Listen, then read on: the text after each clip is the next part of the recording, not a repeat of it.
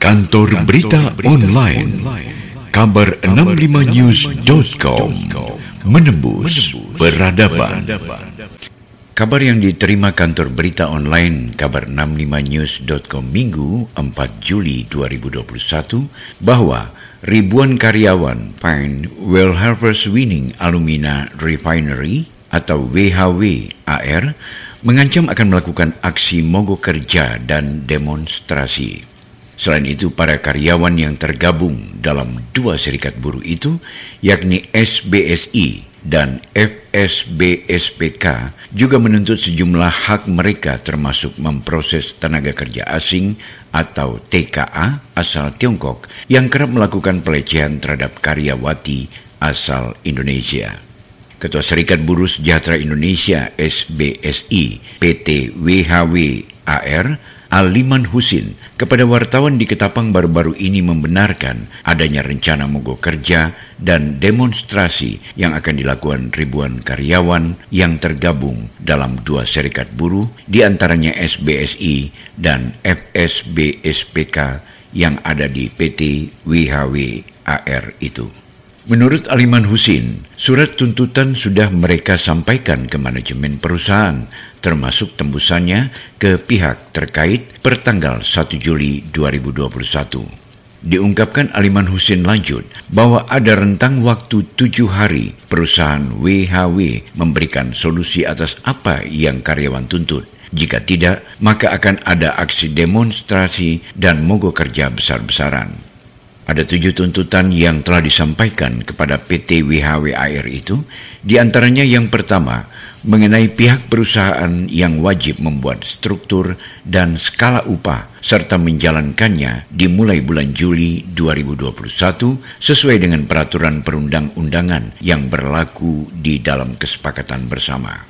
Kedua, jika manajemen PT WHWAR tidak membuat struktur skala upah sesuai kesepakatan bersama, maka struktur skala upah yang disusun dan dibuat oleh pihak SBSI untuk dapat dijalankan menjadi acuan struktur skala upah seluruh karyawan PT WHWAR. Ketiga, PT WHWAR diminta untuk membayar kelebihan jam kerja atau lembur bagi karyawan dengan sistem mekanisme cuti 6 berbanding 1 sesuai dengan aturan perundang-undangan lantaran ada ratusan karyawan yang belum dibayarkan kelebihan jam kerjanya.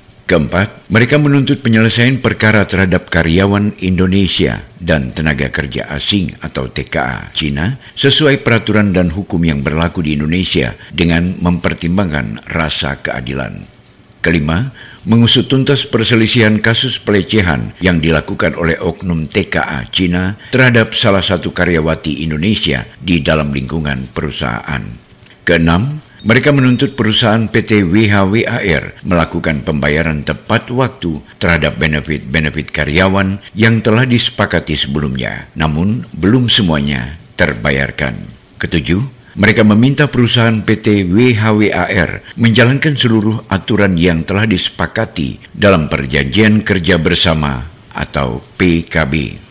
Ditegaskan Aliman Husin bahwa jika sampai tanggal 8 Juli 2021 apa yang jadi tuntutan mereka tidak digubris atau tidak ada solusi, maka dengan terpaksa mereka akan melakukan demo dan mogok kerja yang diikuti ribuan karyawan yang berdampak pada pabrik PT WHWAR itu akan tutup.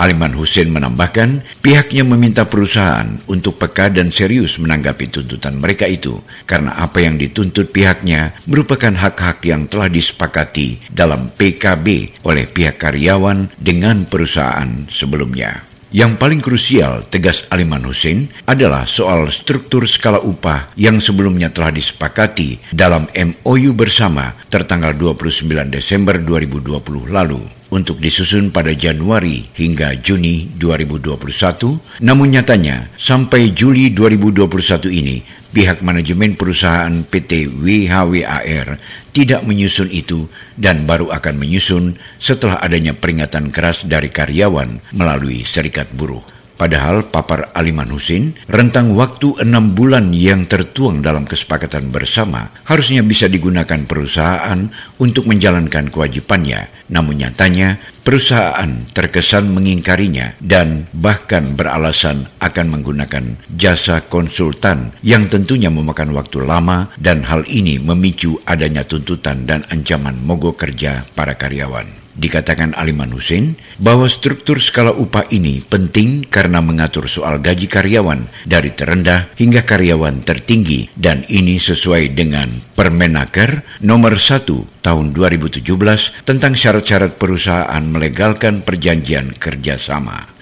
Selama ini selanjut Aliman Hussein, persoalan gaji yang menggunakan struktur skala upah yang lama tidak jelas dan tidak beres karena menimbulkan kecemburuan sosial. Contohnya, karena ada gaji pengawas yang sama dengan gaji pimpinan. Ini menimbulkan konflik sehingga harus dibuat struktur skala upah baru sesuai kesepakatan bersama. Aliman Hussein mengaku bahwa persoalan lain yang juga tidak kalah pentingnya mengenai adanya oknum TKA yang melecehkan karyawati atau pekerja wanita dalam mengirim voice note atau rekaman suara yang melecehkan sehingga dinilai melanggar undang-undang IT dan diminta untuk dapat diberikan sanksi dan dideportasi dari Indonesia. Bukan cuma kali ini, ungkap Aliman Husin, dulu pernah terjadi, makanya mereka marah. Giliran orang kita yang salah, tutur Aliman, langsung diusir, sedangkan TKA kesannya dilindungi. Tetapi jelas Aliman Husin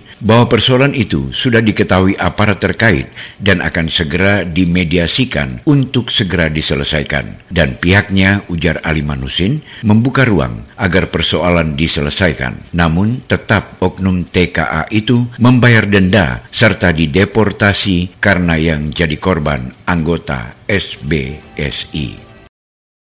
Kantor Berita Online kabar65news.com menembus peradaban.